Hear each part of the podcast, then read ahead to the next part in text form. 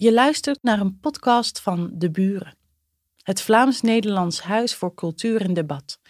De Buren biedt je gratis originele registraties van debatten en lezingen aan en heeft een uniek literair audioaanbod. Welkom vandaag um, op de, bij Spelrekers, een serie filosofische gesprekken over spel in het leven, georganiseerd door de Buren, Vlaams-Nederlands Huis voor Cultuur en Debat. En dit is alweer de derde avond in de serie. Ik ben Fiep van Bodegom, schrijver en recensent en de moderator voor vanavond vanuit Amsterdam. Op vier op een volgende dinsdagavond hebben we in deze serie filosofische online gesprekken over verschillende domeinen waarin spel belangrijk is of zou moeten zijn. Cultuurhistoricus Johan Huizinga stelt met zijn concept van de homo ludens, of de spelende mens, uit het gelijknamige boek uit 1938 dat spel de basis is van onze cultuur. Dat is ook het uitgangspunt voor deze serie, waarin we verschillende domeinen, kunst, politiek, psychiatrie en de digitale ruimte onder de loep nemen. De spreker van vanavond is filosoof en psychoanalyticus Jens de Vleming. We beginnen de avond met zijn vooraf opgenomen lezing over spel en psychiatrie. Na zijn voordracht zal ik met Jens de Vleming in gesprek gaan. En tot slot is er ook de gelegenheid voor u allen um, om bezoekers om vragen voor te leggen. En die horen we natuurlijk graag. U kunt de vragen gedurende het hele programma, wanneer ze maar in u opkomen, stellen in de chat, via de chat. En dat gaat via het ballonnetje in de onderste balk. En dan nu. Dr. Jons, uh, Jens de Vleming is filosoof uh, en psychoanalyticus. Zijn onderzoeksfocus ligt onder andere op de geschiedenis van de psychiatrie en psychoanalyse uh, en het vroege werk van Michel Foucault.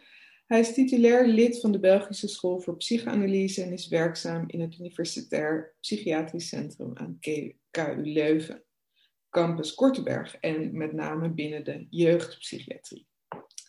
Dan zal ik nu starten met de lezing van Jens de Vleming.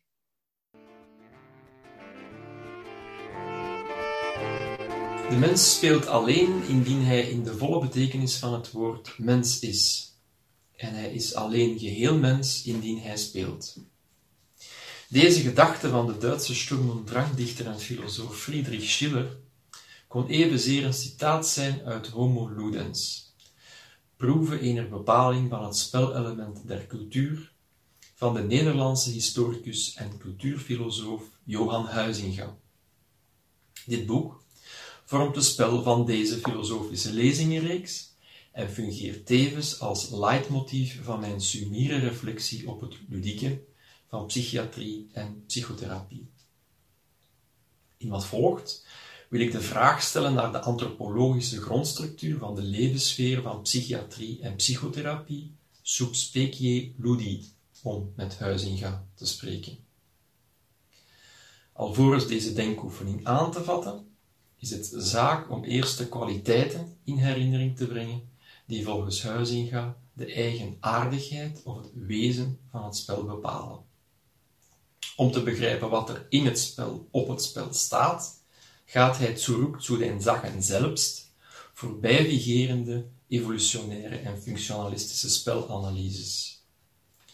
Het spel, zo stelt Huizinga, is voor eerst een vrije handeling, die een intermezzo van het dagelijkse leven impliceert. Het kenmerkt zich door afgeslotenheid en begrensdheid in tijd en ruimte en heeft zijn beloop en zijn zin in zichzelf. Het spel schept orde, het is orde, aldus Huizinga, en behelst een element van spanning, dit wil zeggen onzekerheid en kans, gekoppeld aan een streven gaande naar ontspanning. Tot slot impliceert het spel spelregels en een spelgemeenschap. Huizinga's primaire kwaliteit van het ludieke, namelijk de vrijheid, wordt meteen een paradoxaal, doch essentieel kenmerk van psychiatrie en psychotherapie. In zaken de psychiatrie ligt het paradoxale in haar wezen als de enige medische discipline die een behandeling onder dwang kan instellen, met een gedwongen opname en dus net vrijheid beperking als uiterste middel. Ondanks haar historisch bepaalde inherent disciplinerend karakter, dat zich onder meer reveleert in de huidige psychiatrische diagnostische categorieën, als expressie van cultuurhistorisch contingenten, morele en maatschappelijke normen om ziektes te behandelen, zet de psychiatrie vandaag hoog in op de reductie van vrijheidsbeperkende maatregelen en op de vermaatschappelijking van de zorg. Haar ludieke potentieel behelst het faciliteren van vrijheid, persoonlijke ontwikkeling en zelfwaarde, met resocialisatie als gunstig maatschappelijk effect. Het bevorderen van psychische vrijheid is uiteindelijk ook wat in de psychotherapie centraal staat. De vastgelopen, leidende mens opnieuw in beweging krijgen, omdat hij opnieuw kan werken en liefhebben, zoals Freud stelt. Vrijheid en gezondheid zijn bij Freud synoniemen. Denken we aan de vrije associatie en aan zoals die tot uitdrukking komen in het dromen, het grappen en het fantaseren, of in de gesublimeerde expressievorm, in de vrije kunsten, de artes liberalis. Hoewel ook Freud reeds vrijheid en het spel of het speelse met elkaar verbindt, is het de Britse psychoanalyticus Donald Winnicott die de eigenaardigheid van psychotherapie expliciet vanuit het spel heeft doorgedacht. Net als Huizinga, naar wie Winnicott zelf bij mijn weten niet verwijst, benadrukt hij het spelen als fundamenteel element van de creativiteit van het leven zelf.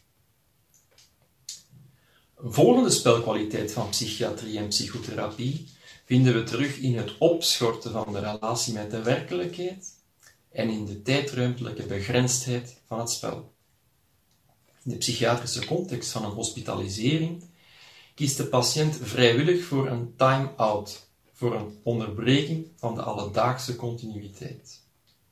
Herstel wordt beoogd door tijdelijk een stap achteruit te zetten, om even afstand te nemen van school, werk en gezincontext, om te kunnen begrijpen waar men in het leven is vastgelopen. Daarbij bestaat de psychiatrische zorg verder uit tijdelijke medicamenteuze ondersteuning in combinatie met een intensief therapeutisch programma dat nadien eventueel ook ambulant kan worden verdergezet.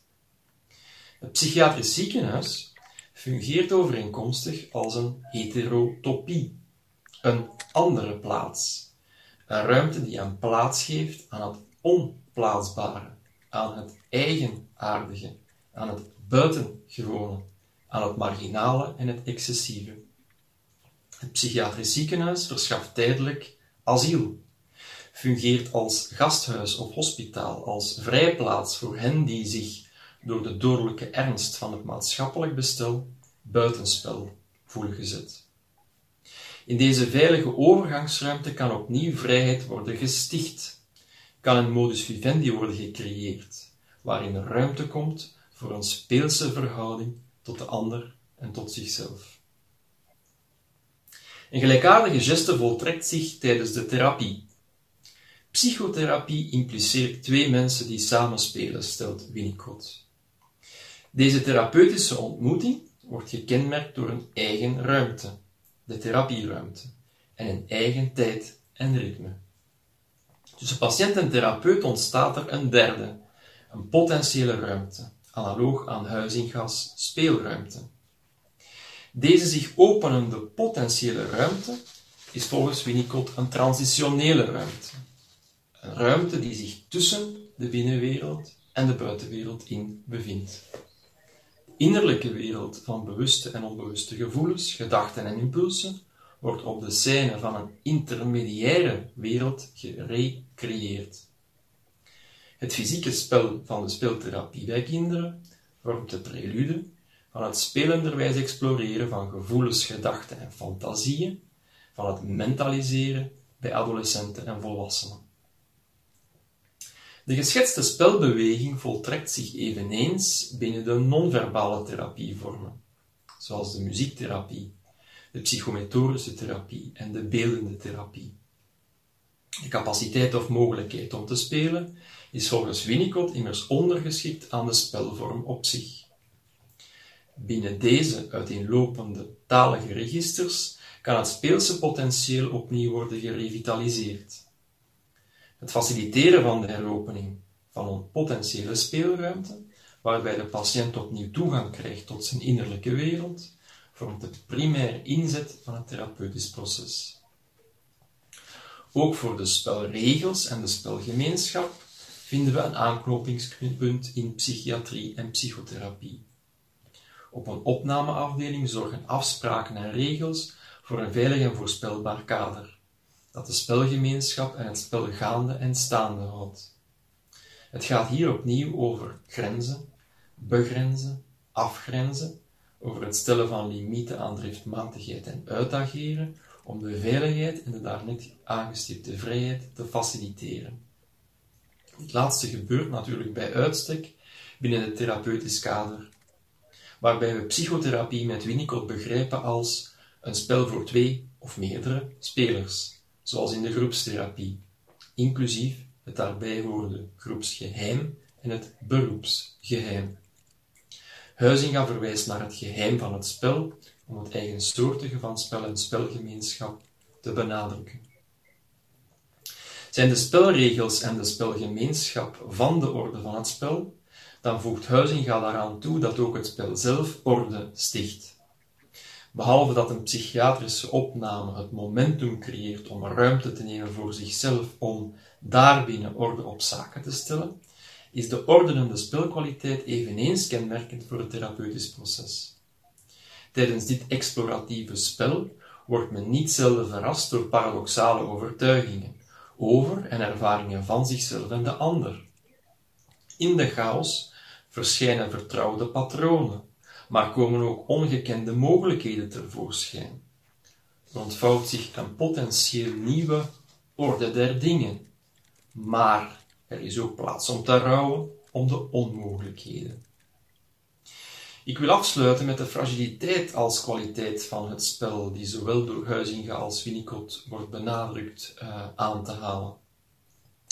De precariteit impliceert een element van spanning, ontspanning, lust, onlust, van onzekerheid, die steeds ook de mogelijkheid van het mislukken in zich draagt. De psychiatrie is geen exacte wetenschap, de psychotherapie allerminst. In het werken met de leidende mens stoten zorgverleners niet zelden op structurele grenzen en beperkingen. Zij moeten zich dan ook voortdurend tot dit tekort trachten te verhouden. Zo draagt het spelpotentieel ook steeds zijn negatief in zich.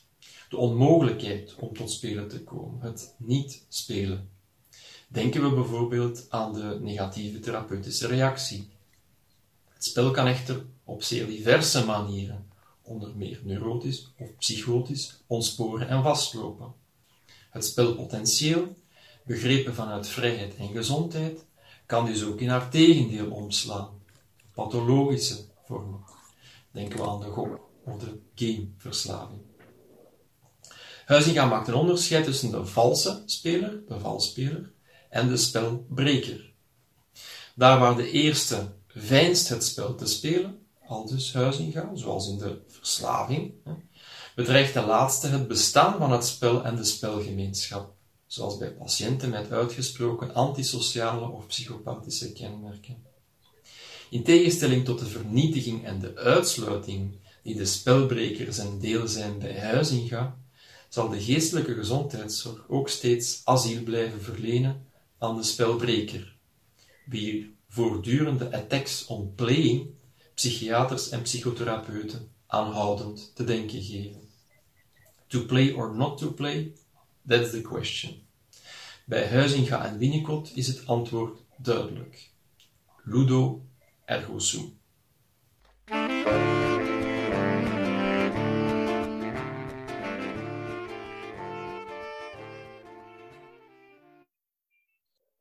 Dank je.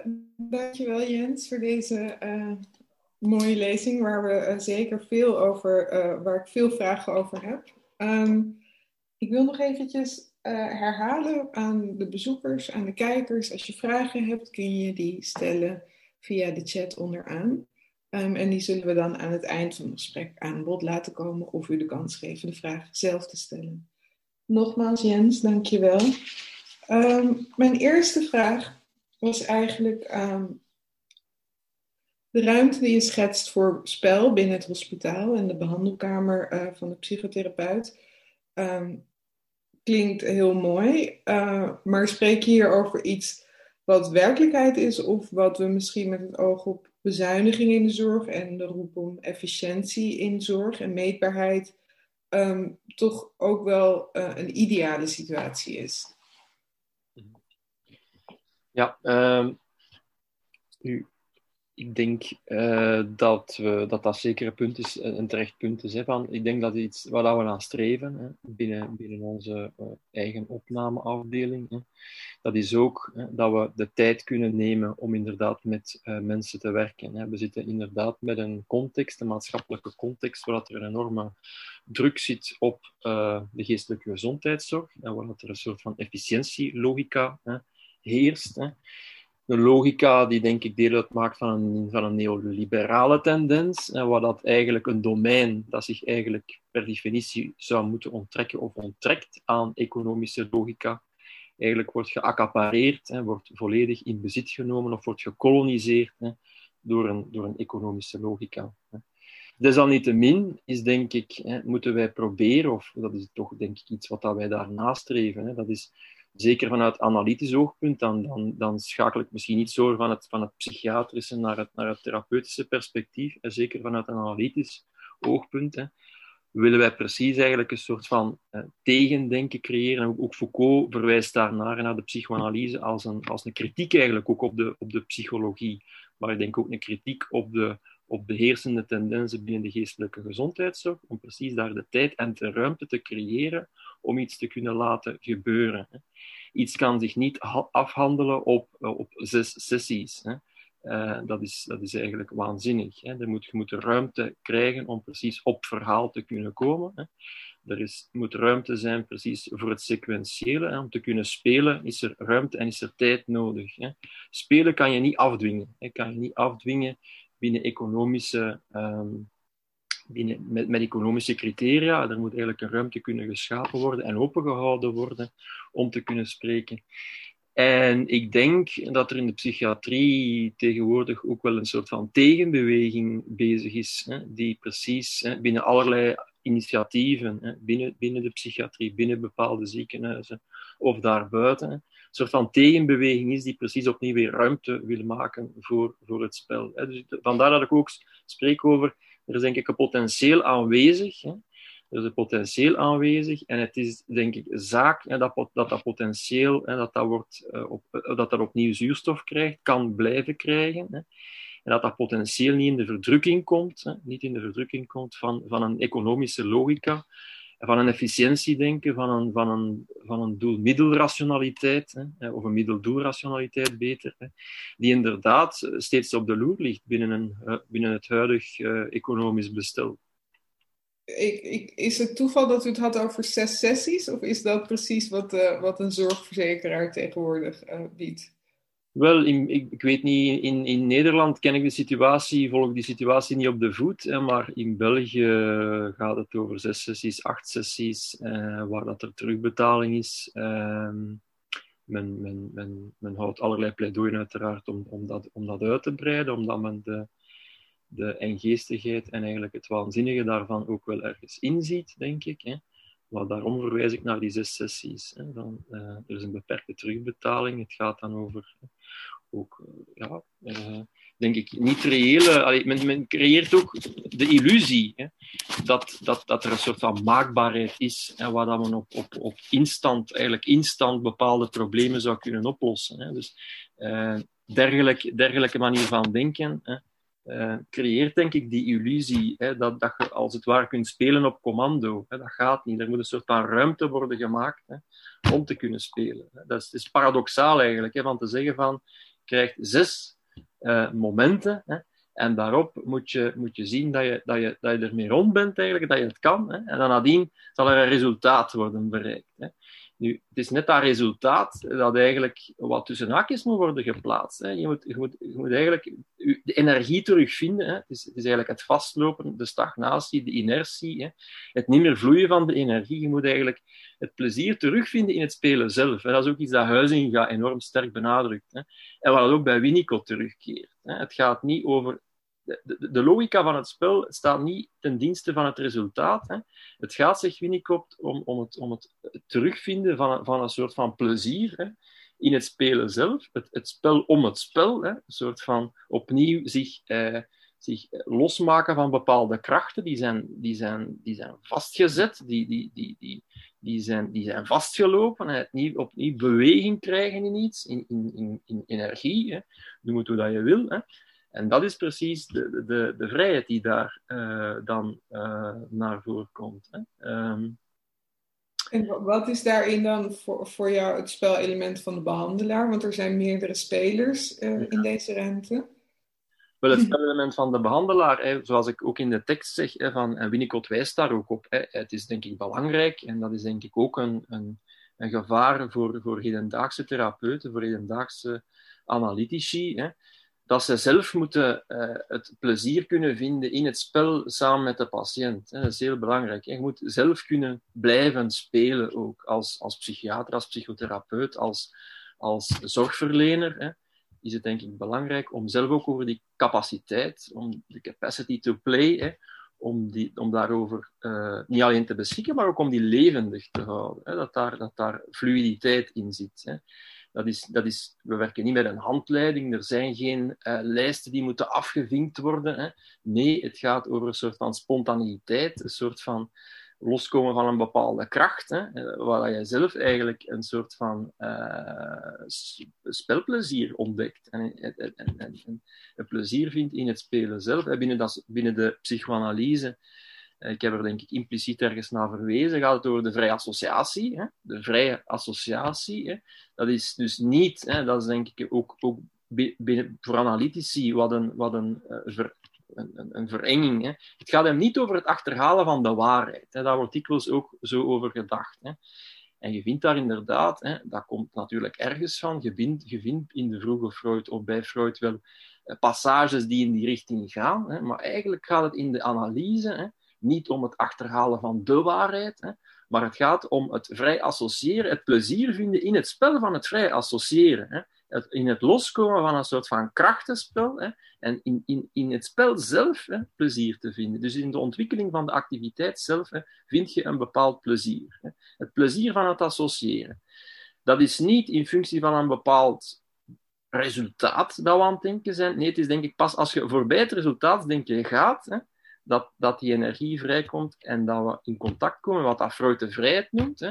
En wat, dat, wat, wat, wat, dat, wat dat Winnicott, het idee, het idee bij Winnicott is het, is het, is het spelplezier. Hè. Het kunnen spelen. Het kunnen spelen, het plezier vinden in het spel zelf, omwille van het spel. Hè. En als, als behandelaar um, zou je um, presenteer je dat ook aan de patiënt als spel? Is dat een zelfbewust spel of is dat iets wat, wat op de achtergrond moet blijven voor, voor degene die uh, patiënt is? Ja, wel, ik denk dat men dat ontdekt, hè, dat dat, dat, dat, dat, dat uh, gaat over. Hè. Het is iets, en dan zitten we bij uw vraag van daarnet, het is iets, denk ik, dat je als therapeut zelf incarneert en uitdraagt en, en, en in het gesprek brengt. Het gaat over een soort van attitude, een soort van habitus. Soort van tweede natuur, hè, die, die, eigenlijk, die je inzet, die, die je ten dienste stelt van. En je bent katalysator als therapeut. Hè. Dus ik denk dat dat al dan niet impliciet hè, uh, aanwezig is in die therapeutische relatie. Hè, in die band die tot stand komt, in, dat, in, in die vertrouwensband, in die, in die veilige ruimte, hè, in, die, in die veilige psychische ruimte ook die tot stand komt. Hè binnen die veiligheid van die ruimte komt dat spelelement, komt dat impliciet, is dat impliciet in het geding. Hè? En ik denk natuurlijk dat, uh, dat, uh, dat, dat uw analysant of je, je patiënt, dat, dat die dat ook ontdekt. Hè? Dat is ook een ontdekken soms hè, van, van, van het speels. Hè? Toegang krijgen opnieuw tot het speels. En mensen die zeggen van, ik zit vast, hè, letterlijk, ik zit vast. En er zit, er zit er zit iets vast, hè, er is iets vastgelopen en hoe moet ik datgene dat vastgelopen is, hoe moet ik dat weer in beweging krijgen? En dat kan door te spelen, door speels dingen te verkennen, te proberen. Denken aan mogelijkheden, hè, de, de, realiteit. Hè. is niet de realiteit. Dat is een manier van waarop dat de, de dingen zich kunnen ontspinnen. Maar wat, zou, wat zouden andere mogelijkheden zijn binnen bepaalde begrenzingen, uiteraard. Hè? Maar ook daar, los daarvan, binnen de, binnen de fantasie. Hè? Wat, hoe, zou ik het willen dat het is, moesten kunnen kiezen, hoe dat het zou kunnen zijn, enzovoort. Hè? Um, wat zijn de onmogelijkheden? Kan ik ook, dat is een ander aspect dat ik even aan uh, stip. Hè? Het rouwen is ook een belangrijk element, denk ik. Hè? Het mij kunnen verhouden tot onmogelijkheden. Hè? Dingen die er helaas niet kunnen zijn, maar waar ik wel een positie tegenover kan nemen. Hè? En ook daarin dus een zekere vrijheid kan ontdekken in het mij verhouden tot een onmogelijkheid kan ik ook een bepaalde vrijheid ontdekken. Als een, een vorm van perspectief of relativering in die zin? Wel, het, het, het, in, in een tekst verwijs ik ook naar het mentaliseren. Hè. Mentaliseren wil zeggen dat je, dat je naar bepaalde gevoelens, ideeën, fantasieën hè, kan kijken, dat je die kan exploreren. Je zou kunnen zeggen dat je die inderdaad kan relativeren, maar misschien eerder vanuit dat je die vanuit verschillende kanten kan proberen te bekijken, inderdaad. En dat je daar kan een houding ten opzichte van nemen. Dat je daar betekenis kan aan geven. Dat is ook een belangrijk woord. Het gaat over betekenissen.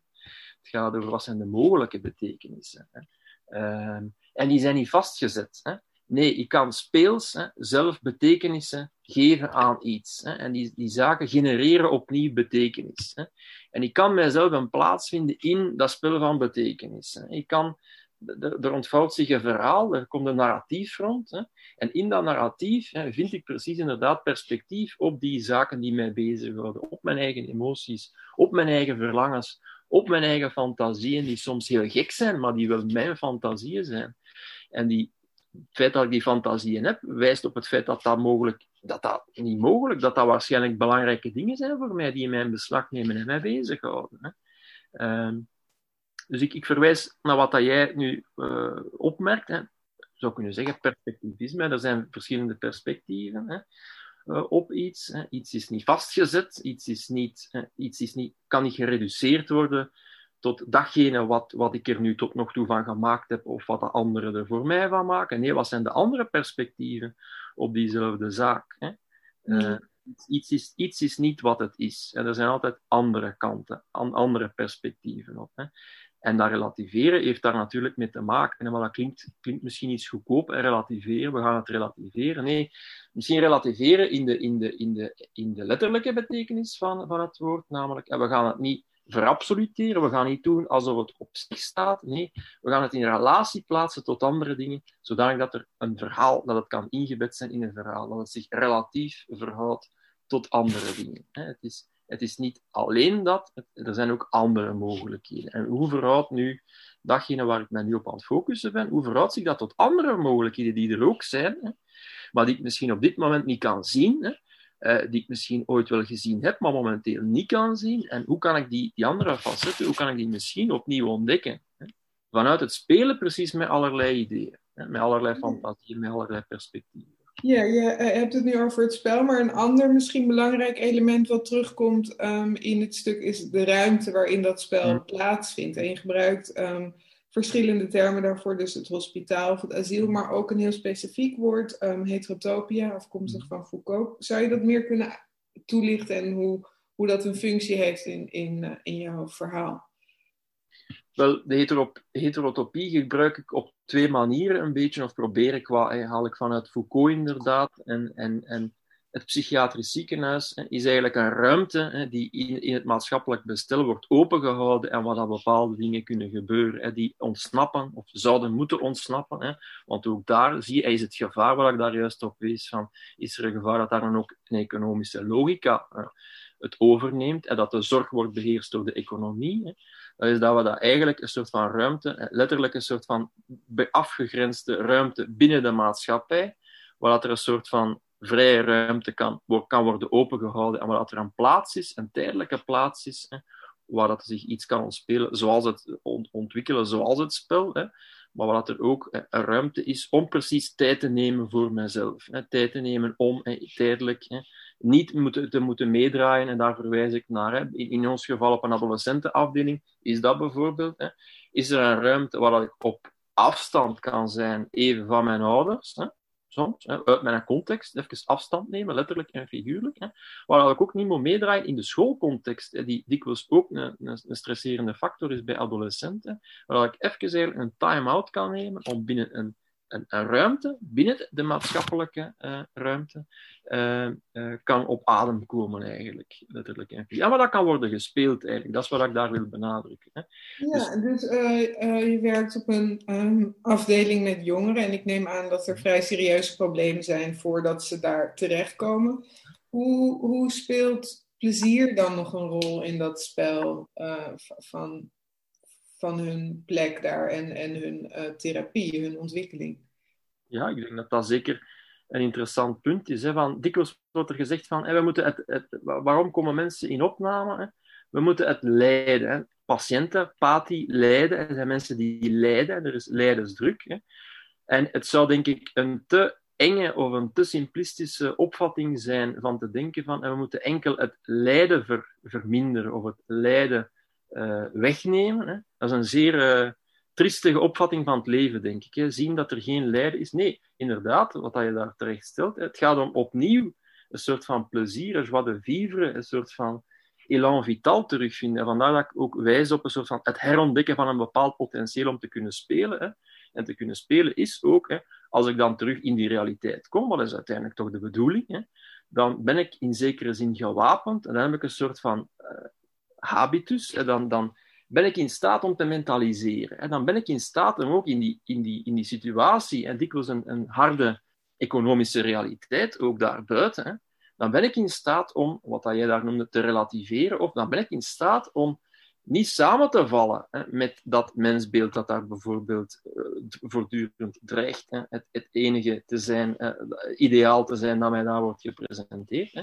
Maar dat ik ook daar precies in staat kan zijn om, ik heb dat dan geleerd, om afstand te nemen van de dingen. En het is in die afstand die ik kan nemen van de dingen, dat die vrijheid ontstaat om precies opnieuw de zaken buiten mij, vanuit verschillende perspectieven te gaan bekijken. Waar ik mij ook kan separeren, waar ik kan autonoom. Hè. Bij, bij adolescenten spreken over separatie en individuatie, hè, waar ik mij kan separeren van een bepaalde context, bijvoorbeeld mijn ouderlijke context waarin ik ben opgegroeid. Hè.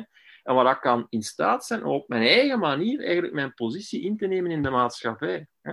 Op een gezonde manier, in de zin van een manier die mij toelaat om te kunnen ook spelen hier buiten in zekere zin, hè, maar op een gezonde manier. Hè. Ja, en um, eerder noemde je um, uh, therapie voor misschien um, inherent kritisch. En nu heb je het over die terugkeer waarin, er, uh, waarin de behandelde of de patiënt of de mens, ik weet niet hoe, hoe jullie het bij voorkeur noemen, uh, in staat is om afstand te nemen. Zou je misschien meer kunnen zeggen over dat idee van gezondheid? Wat is, wat is een gezonde terugkeer? Juist een besef van dat het een spel is of juist het weer serieus nemen? Hoe, hoe zie je dat? Wat je eerder noemde, het verschil tussen de valspeler en de spelbreker. Mhm. Ehm, wanneer, um, wat moet je zeg maar aanvaarden om gezond te zijn? Ja. Nu, de dynamiek van spelen en valspelen, dat is een dynamiek, zegt Huizinga, die eigenlijk wat samengaat. Hè. In elke, ook in de maatschappij heb je valspelers. Hè. Denk aan de sport, hè. denk aan uh, wielrennen, mensen die, die doping nemen. Hè.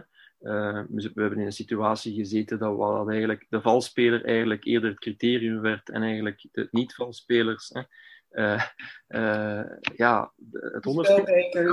En dus daar, daar, daar zit je met die dynamiek. Nu, de spelbreker, zegt Huizinga, zijn eigenlijk diegenen die het spel niet kunnen spelen of die het spel voor anderen kapot maken. Hè? Dus die eigenlijk een aanval richten op de gemeenschap van zij die kunnen spelen, willen spelen, aan het spelen zijn. Hè?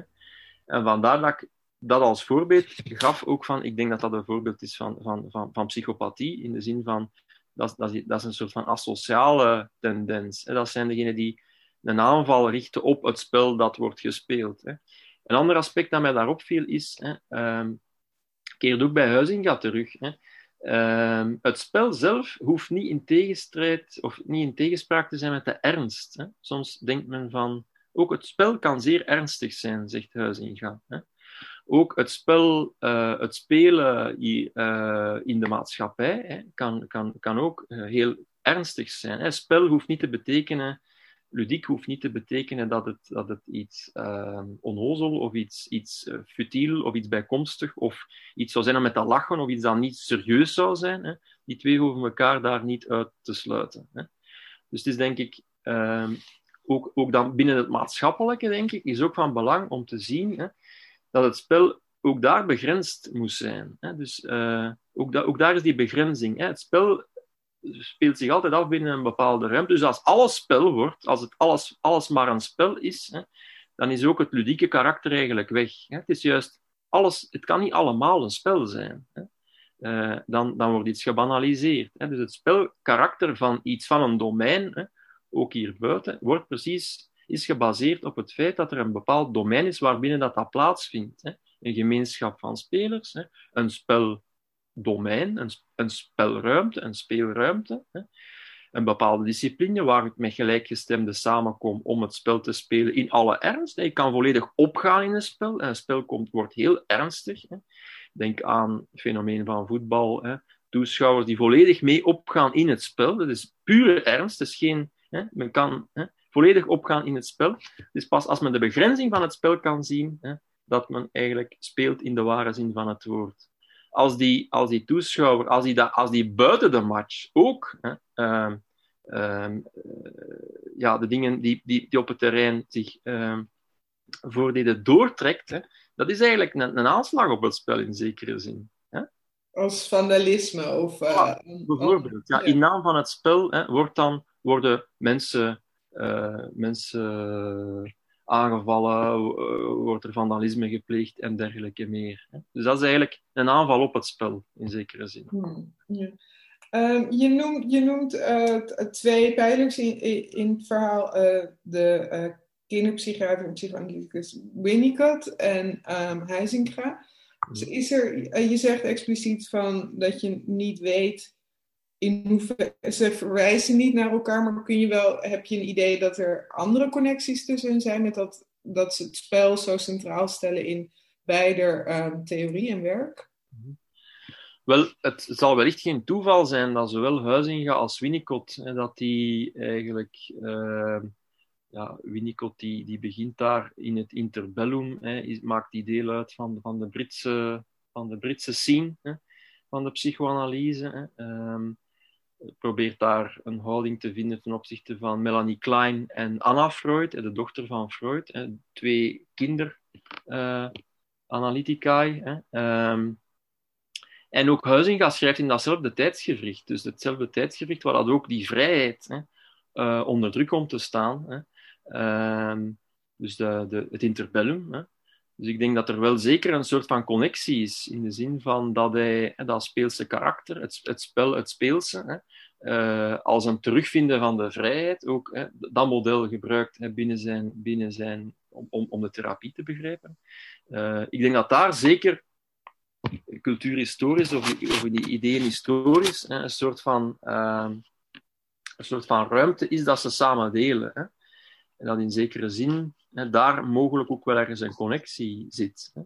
Uh, ook zo, wat, dat, wat dat misschien ook meespeelt, bij, uh, er is het kind, het beeld van het kind, wordt dikwijls ook bij het spel geassocieerd. We moeten weten van, als ik in het begin van de lezing verwees naar, naar Schiller, um, dan moeten we weten dat in de romantiek dat, dat, dat, dat, dat beeld van het kind niet alleen het beeld van het kind, maar ook het kind zelf eigenlijk ontstaan is in diezelfde periode. Hè. Kind als een sociale entiteit. Hè. Kind zijn hè, als een mogelijkheid tot subjectieve identiteit hè, is iets dat daar ook ontstaat in die periode. Hè. En daarmee wil ik zeggen, het is niet dat er uiteraard ervoor geen kinderen bestonden, nee. Maar we moeten wel goed beseffen dat kinderen tevoren werden bekeken als kleine volwassenen. Denk aan kinderarbeid enzovoort. Dus maar dat er, ook een industrie ontstond van, van, van, van boeken voor kinderen van, enzovoort. Dat is iets van na die romantische periode. Dus de sociale entiteit kind, hè, kinderen als een op zichzelf staande sociale entiteit, hè, is iets dat daar ontstaat. En, en in die romantiek is er natuurlijk zo'n beeld van het kind, dat is het, het onbezoedelde. Dat is het, kind is die, is die figuur die in staat is tot spelen. Hè, die nog niet denkt in termen van middeldoel. Hè, die niet denkt in termen van resultaten. Er wordt het spel gespeeld voor het spel op zichzelf. Hè. Uh, denk ook aan Nietzsche, hè, die, die niet toevallig ook daar naar het kind verwijst. Hè, als, hij, als hij verwijst naar het, het.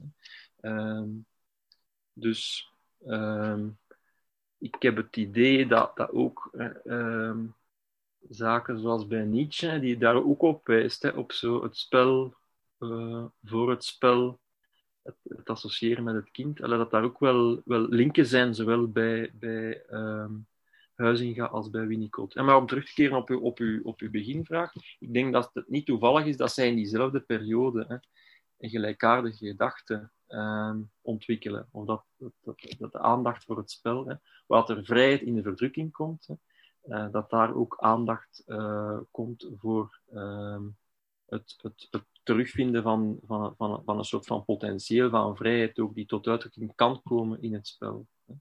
Ja, en daar, daar misschien niet helemaal op voortbeduren, maar wel um, die uh, ideeën van spel in therapie. U, u raakt er e even aan in, in, in de tekst. Is dat altijd een verbaal spel? Of hoe, hoe moeten we ons voorstellen als dat een non-verbaal spel is? Wel, ik geef een aantal voorbeelden in een tekst. Hè. Uh, het verbale, je hebt de verbale therapieën en de, en de non-verbale therapieën, inderdaad. Hè. Ik geef de voorbeelden van bijvoorbeeld de muziektherapie, waar dat ook gaat over, over als we in het spreken het hadden over de vrije associatie, dan kent iedereen ook het improviseren natuurlijk. Het, het improviseren, denk ook buiten dan muziektherapie aan jazz, het, het improviseren. Dat is eigenlijk de variant van de, van de vrije associatie, zou je kunnen zeggen, binnen de muziektherapie. Hè.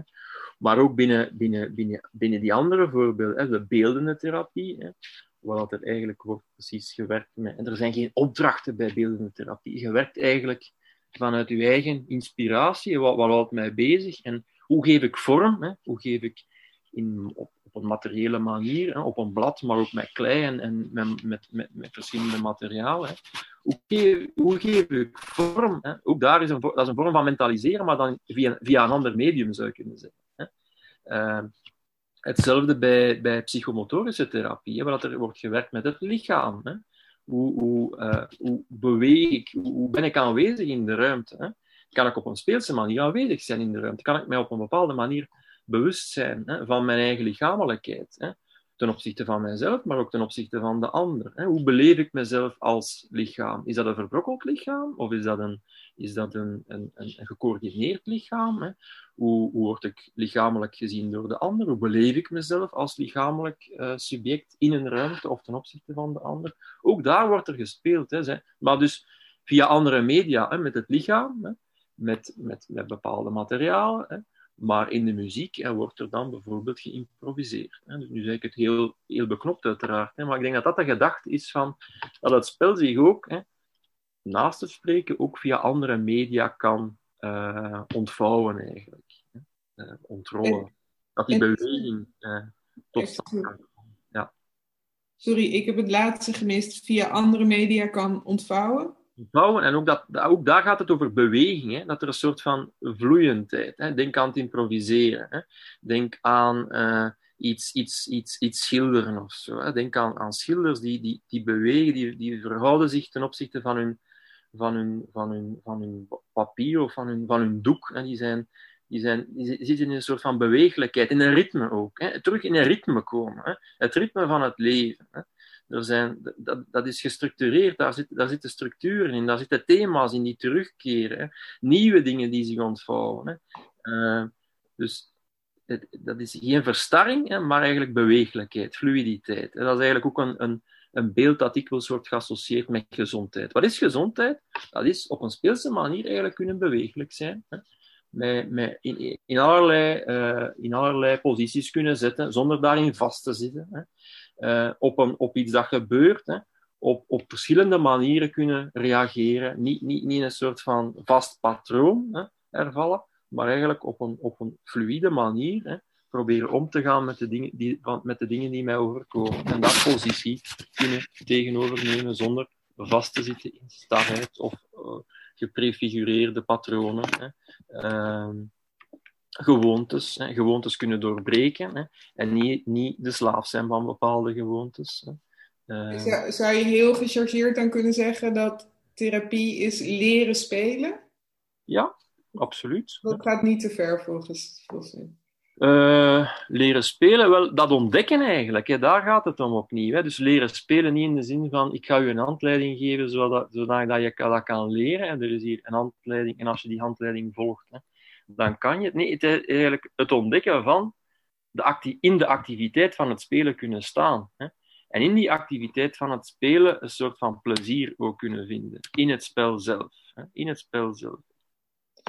Uh, we hebben het nu uh, vooral gehad misschien over die ruimte waarin uh, dat losmaken van die energie en de relatie tussen de behandelde en de behandelaar. Maar eerder in uw ehm, tekst zegt u ook wel misschien iets bijna sinisters dat de, heeft u het over het inherent disciplinerende karakter dat zich onder meer reflecteert in de huidige psychiatrische ja. diagnostische categorieën. Kunt u daar iets meer over zeggen? Van, als die ruimte zo ehm, ja, disciplinerend zijn en um, ook um, dwingend. Hoe, hoe, hoe, verhoudt dat zich tot dat spelelement? Wel, dat is, dat is de, de potentiële valkuil, denk ik, van de psychiatrie. Hè. En dat heeft, ook te dus dat heeft een soort van eh, maatschappelijke, sociaal-maatschappelijke uh, aspect. Hè. Um, sociaal-maatschappelijk, maar dan bedoel ik ook historisch. Hè. Uh, dan denk ik aan de analyse van Foucault, de analyses van Foucault over de, de biopolitiek. Hè. Uh, waar dat er een soort van disciplinering gebeurt. Hè, in de zin van, we worden beheerst door allerlei normen. Hè, en, en de, de, staat is niet enkel, hè, is ook, de staat is ook bezig met, ons, met, ons, met ons welzijn. Hè.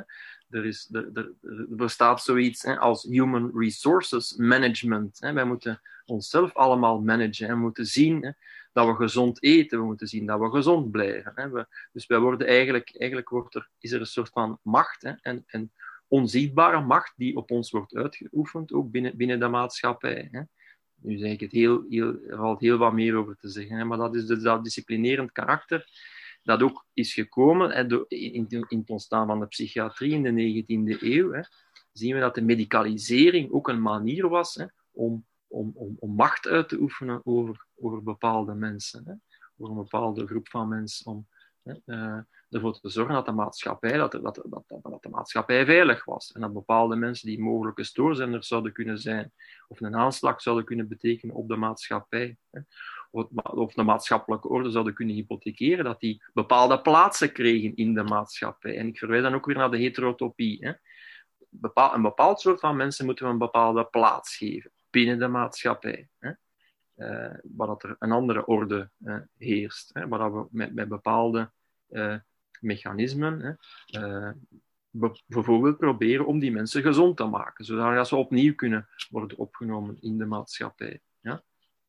Ehm, dus die disciplinerende tendens, wijze stippen kort aan, is eigenlijk wellicht hè, inherent aan aan de discipline van de psychiatrie. Ik geef het voorbeeld van de, de dwangopnames, de, de, de, de gedwongen opnames. Dat is een restant van wat je dat ziet, inderdaad. In naam van de maatschappij is de psychiatrie de enige medische discipline die, die een behandeling onder dwang kan instellen. De psychiater, die eigenlijk de vertegenwoordiger, samen samen met een onderzoeksrechter, de vertegenwoordiger is van de maatschappij, die beslist dat iemand onder dwang moet worden, worden opgenomen. Hè.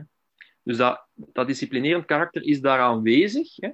En daar zit natuurlijk ook iets in. Ik verwijs daar impliciet ook naar, naar, naar ontwikkelingen zoals DSM, hè, DSM-5, hè, waar we ons moeten bewust zijn hè, dat die categorieën die daar worden gebruikt, dat diagnostische categorieën zijn, hè, dat dat beschrijvende categorieën zijn, hè, en dat dat contingente categorieën zijn. En dat die contingente categorieën, hè, dat die refereren naar een maatschappij hè, die bepaalde normen en waarden heeft. Hè, en die die normen en waarden vertaalt eigenlijk in die, in die psychiatrische categorieën die we in DSM-5 in dit geval vinden. En we moeten ons daarvan bewust zijn, van die maatschappelijke bepaaldheid en dus contingentie. Hè.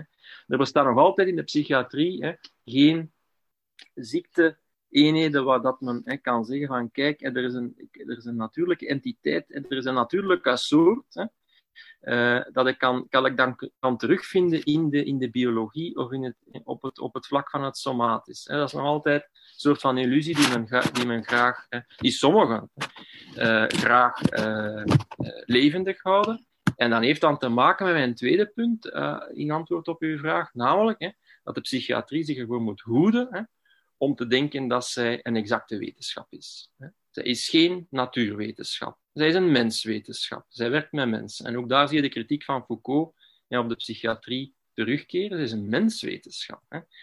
Ze heeft uh, objecten die ze bestudeert, hè, die, die, die zich eigenlijk ook telkens onttrekken. Hè. Die, die mensen die veranderen ook. Hè. Die, die, uh, in hacking spreekt over moving targets. Hè. Men is bezig met moving targets. Hè. Men, kan, men kan de dingen niet vastleggen. Hè. Er zijn geen tijdloze ahistorische categorieën. Hè. De, in tegenstelling tot de natuurwetenschap hè, is er, is er, is, zitten we in historiciteit. Hè. We, we spreken over mensen met een verhaal. Hè. We moeten de context mee in rekening nemen, het verhaal van mensen. Ja, misschien daarop inhakend over die contingentie, dat we altijd moeten reageren op de situatie uh, waar we in ja. zitten. Ook uh, een vraag uh, uit het publiek van mm. Erik. Uh, u had het eerder over leren om verschillende leren om niet in patronen te vallen, maar verschillende reacties tot iets uh, te ja. ontwikkelen. Uh, en hij stelt de vraag: hoe kan men nu fluïde omgaan met zoiets als corona? En ik, het coronaprobleem. En ik denk dat we verschillende interpretaties van die vraag kunnen ja. geven in iets wat zo overweldigend is, of iets waar je zo weinig aan kan ja. doen. Dat is iets dat ik dikwijls tegen, tegen, tegen mensen zeg, ook vertel, of, of, daarom niet expliciet, maar de aandacht optrek van. Hè. Je hebt een realiteit. Hè. Eh, iets kan verschijnen als een realiteit. Hè. En soms kan ik aan die realiteit inderdaad niks veranderen. Aan een realiteit kan ik niks veranderen. Maar waar ik wel iets kan aan veranderen, is op, aan de manier waarop ik met die realiteit probeer om te gaan, of zou kunnen omgaan. Ik kan mij altijd op verschillende manieren verhouden tot een realiteit tot de realiteit. Hè. Ik heb een bepaalde, een bepaalde cirkel, om het zo te zeggen, waar, waar, dat, waar dat mijn, tot waar dat mijn macht, hè, waar dat mijn impact op de realiteit grenst. Hè.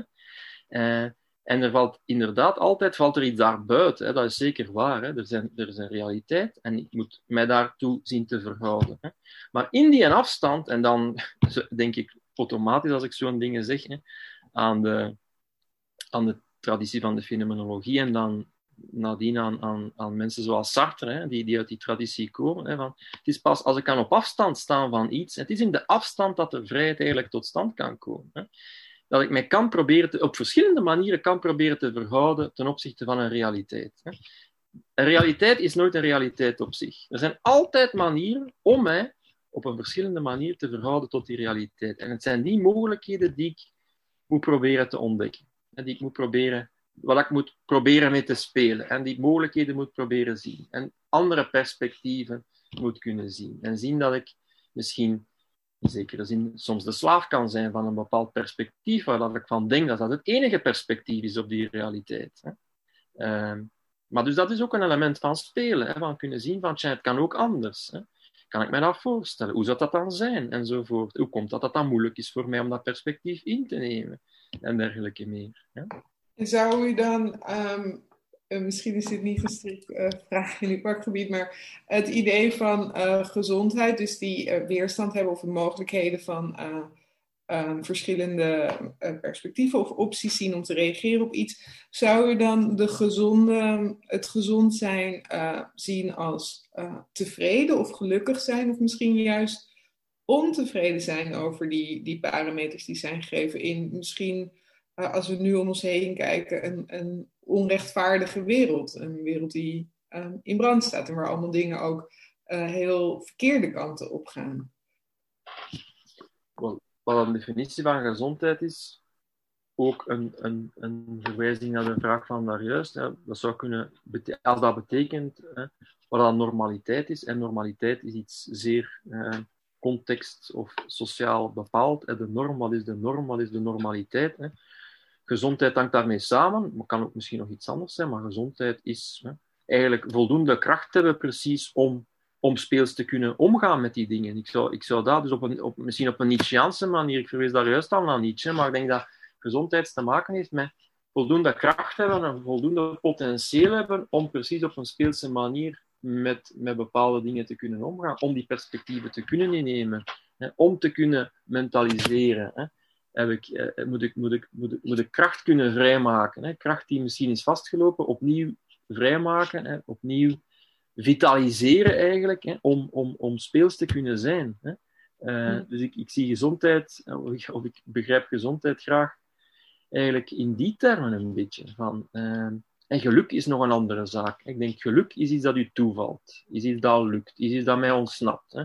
Is denk ik een moment. Ik kan op een bepaald moment, een fractie van een seconde, een gelukservaring hebben. Maar geluk is niet iets dat uh, continu uh, doorloopt. Iets dat ik, uh, dat, dat, ik me een hele dag gelukkig voel. Ik denk dat dat een, een vreemde invulling is van geluk. Hè. Uh, geluk is het lukken is het, is het toevallen? Is het, is het mij toevallen van iets? Is een toeval? Is dat mij ont, ont, ontgaat eigenlijk? Is iets dat mij toevalt? Is dat lukt? Hè? Ja, ik heb nog, nog een vraag over die relatie misschien tussen gezond en ziek uh, van Nora. Um, als je in onze maatschappij wordt psychische deviantie als, of afwijking als ziek of een zwakte aanschouwd en in bijvoorbeeld um, het Peruviaanse Amazonewoud wordt het hebben van psychoses juist als kracht gezien, als een talent, het hebben van een gevoeligheid of een extra communicatievorm. Beperken we als maatschappij het potentieel door te categoriseren en te labelen en te willen genezen? En is er misschien een nuance te vinden tussen de categorie ziek en gezond? En, en zou speelruimte tussen die categorieën iets zijn um, ja. wat dat los kan rikken?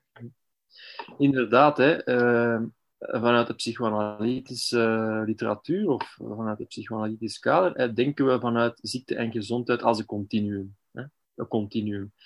Dingen die, ik, die gezonde mensen hebben, hè, die vind ik ook terug. Hè. Bij, bij gezonde mensen vind ik tendensen terug hè, die in de pathologie of in de ziekte hè, exclusief zijn, losgemaakt zijn van een veel breder palet aan dingen. Die zijn losgemaakt en die zijn uitvergroot. Dat is eigenlijk wat de gedachte. Er is eigenlijk een continuum tussen normaliteit en pathologie.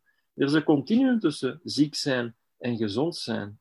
Gezond zijn is, dat, ik, dat daar zitten ook dingen, dingen tussen, die, die, eh, om, om een voorbeeld te geven. Hè, iedereen heeft wel eens, hè, als hij, als hij op zijn, zijn auto heeft geparkeerd op de parking staat en denkt van ik moet nog eens gaan controleren of dat mijn wagen wel echt dicht is of niet. Hè, zo, uh, nu, ik leid daar niet onder als ik dat eens doe. En als ik denk van ik weet het niet meer, ik moet het gaan controleren. Ik leid daar niet onder. Hè. Ik ga daar niet onder gebukt. Hè. Uh, iemand met, met, met, met OCD, iemand met compulsieve stoornis, ja, die, die leidt daaronder om continu te moeten gaan controleren of dat de deur wel toe is. Allee, dat is nu een banaal voorbeeld aan mij, dat ik hier nu uit mijn koker uh, tevoorschijn haal, maar het illustreert misschien wel wat, ik daarin, of dat, wat dat men daarin bedoelt. Hè. Namelijk, iedereen heeft wel eens hè, het gevoel van, ik heb precies een baan, hè. Maar, maar, maar de psychoticus heeft dat continu en leidt daaronder. Ik leid er niet onder dat ik eens... Uh, omdat ik uh, niet genoeg uh, geslapen heb, ineens denk dat ik iets hoor, hè, dat, ik, dat ik een auditieve hallucinatie heb, dat ik hoor dat mijn vrouw hier beneden de deur open doet. Hè. ik leid daar niet onder. Er, dus er is een continuum, denk ik, tussen pathologie en normaliteit. Ja, en dus waarvan misschien het criterium meer of je eronder lijdt of, is dan of het normaal of abnormaal is. Ik heb trouwens nog, ook ja. nog één vraag uit het publiek en misschien is het wel leuk als... Um, um, hij, de, deze bezoeker, de vraag zelf ook kan stellen. Het gaat om uh, Steven. Uh, misschien wil je even zwaaien, dan kunnen we je unmuten. Ja. Oké, okay, dank u. Uh, wel, wat ik me afvroeg, dus bij de idee van spelbreker of valspeler die u vermeldde, die verbonden worden aan pathologieën zoals antisociale neigingen. Spelbreker voor alle dacht, Dat is de spelbreker voor alle duidelijkheid. Dus er is een verschil tussen de valspeler bij Huizinga en de spelbreker. Dus de valspeler die, die kent de regels van het spel hè, en die is daar zo creatief mee dat hij hè, tussen de mazen van het net zo hè, allerlei creatieve dingen kan doen, maar is zich nog bewust van het feit dat hij in het spel zit. Hè. Terwijl de, terwijl de spelbreker sorry, is degene die een aanval richt op het spel, die eigenlijk de illusie van het spel kapot maakt de nadelen van degene die het spel aan het spelen zijn. En er is een verschil bij Huizinga tussen de twee. Ja. Ah, maar, maar ik, ik, vraag me af of, of, of de, de vraag die ik wil stellen, of, of uh, een, de, de valsspeler ook niet uh, daar, daaronder uh, kan, kan gerekend worden. Dus, uh, maar dus of dus, die, die verbinding aan pathologieën zoals antisociale neigingen, is er plaats voor de mogelijkheid van terechte kritiek, scepticisme, revolutionariteit. Zijn er instrumenten om dat onderscheid te maken? Is er openheid voor de suggestie van verandering van spelregels, voor de suggestie om andere spellen te spelen? Van een kritiek op hoe de spelmeester het spel leidt, kan hier het gevaar schuilen van het diagnostiseren op zich als strategie om enige kritiek de mogelijkheid van geldigheid te ontnemen. Ik, denk, ik, ik dacht hierbij bijvoorbeeld aan, aan de bedenkingen in Anti-Oedipus van Deleuze en Guattari op een diagnostisering van de studentenopstanden, hmm. maar ook aan een een, een, blijkbaar meer algemene neiging die ik soms vaststel om uh, diagnostisering als een specifiek soort ad hominem strategie in te zetten. Mm -hmm. ja. en, en ik bedoel het niet specifiek op, op, op, op de uh, therapeutische praktijk, maar in, in breder filosofisch context. Ja, dankjewel. En wat bedoel je juist met die ad hominem? Want ik denk, hè, diagnostiek is altijd nodig voor alle duidelijkheid. Van DSM, dat, dat kan, eh, om, dat voorbeeld te nemen, dat, dat, dat is hè, zinvol als je het gebruikt voor wat het bedoeld is, namelijk pure diagnostiek. En beseft dat je aan het beschrijven bent, dat je eigenlijk kenmerken van, van zijt aan het ordenen tot een, tot een ziektebeeld. Hè. En dat de bedoeling is om uh, dat, dat psychiaters over de ganse wereld over dezelfde, naar dezelfde realiteit kunnen verwijzen. Maar dat zegt niks over causaliteit, dat zegt niks over behandeling, dat zegt niets over welke, welke medicatie er zou moeten gegeven worden voor, voor dergelijke diagnostische categorie. En als men dat wel doet, dan is men eigenlijk dat aan het perverteren. Dus diagnostiek op zich via DSM is op zich niks verkeerd mee als men het op de juiste voor het juiste gebruikt. Hè. Dus het, het, het, het gebruikt voor wat het eigenlijk initieel is op de kaart gezet. Hè. Um, ik weet niet of je daarop aan het doelen waakt met uw laatste vraag van ad hominem gebruik. Wel, wel, wel, wel, ik, ik bedoel e-, enerzijds dat voorbeeld uh, van de studentenopstanden, waarbij uh, politieke situaties uh, worden uh, gediagnosticeerd. Bijvoorbeeld dat ja, ja. Uh, revolutionariteit als infantilisme wordt beschouwd. Ja, en anderzijds ook dat wetenschappelijke kritiek, uh, dat, en daarmee bedoel ik dan ad hominem, dat soms dan lijkt op de man van de scepticus lijkt gespeeld te worden, door, door, door die in een bepaalde diagnose te kaderen, die kritiek het gaan pathologiseren om iets uh, uit te schakelen, om, of iets, om zich van iets te distancieren. Ik moest denken als je aan spreken wordt over uh, Trump, hè, dan ineens psychiaters beginnen zeggen, ja, dat is een narcist en dat is een dit en, en dat. Hè. Uh, is, is, zo, is dat een voorbeeld van ad hominem? of, of maatschappelijke fenomenen proberen te verklaren door daar allerlei ziektebeelden op te plakken we leven in borderline times en in één keer is alles borderline. Eh, of we leven in een depressie. Eh, we zitten met een depressie-epidemie en alles wordt bekeken door de lens van de depressie enzovoort. Zo'n zaken. Misschien meer, als ik even mag uh, interpreteren, het idee dat vaak um, diagnosticering ook wordt gebruikt om het onschadelijk te maken van ja, ja, ja. lenzen. Um, en dat daarmee, welk spel je ook speelt, als de spelregels dat onmogelijk maken, um, uh, hoe, hoe daar voorbij te komen. Ja. Um, als ik de vraag zo goed ja. uh, interpreteer. Ja. Maar diagnose ja. stellen, vaste diagnose. We moeten ook een beetje afronden, dus er is nog tijd voor misschien een korte samen uh, antwoord op. Want dit is denk ik een vraag voor ons allemaal, hoe we ook die, niet alleen het spel, maar ook wat we kunnen doen aan die spelregels. als daar ruimte voor is. Ja, die diagnoses hebben de neiging om iets vast te zetten. Hè?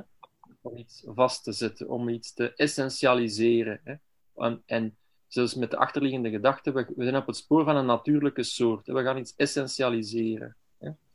Nu, dat druist eigenlijk in tegen het spelkarakter. Als dat gaat overwegen in de psychiatrie, als het daarom gaat, als het daarom gaat, en dan verwijs ik ook naar het idee van de psychiatrie is een, wil een natuurwetenschap zijn, dan wordt het uh, potentieel van het ludieke, denk ik, verdrukt. Dankjewel. Ik denk dat dit uh, een mooi slotwoord is. Um, en ik wil um, Jens Fleming, wil heel erg bedanken voor vanavond en ook alle bezoekers voor uw aandacht. volgende week gaan we in gesprek met designerduo Teresa en Fit Ruler over spel in het digitale domein kunnen we nog onderscheid maken tussen fysieke en virtuele ruimtes. En van alle dingen die we online doen, wat is daarvan werk en wat is daarvan vrije tijd? Uh, zouden kinderen misschien minder online moeten spelen en volwassenen meer? Dat en meer volgende week in een voor verandering Engelstalig programma met designerduo Theresa en Fit Willer. Voor nu wens ik u een uh, hele mooie avond en uh, hopelijk tot volgende week. Dankjewel. Je luisterde naar een podcast van De Buren het Vlaams-Nederlands Huis voor Cultuur en Debat. Benieuwd naar ons literaire aanbod? Luister dan ook naar radioboeken, citybooks en andere audioverhalen. Ontdek ons podiumprogramma en al onze digitale producties op www.deburen.eu.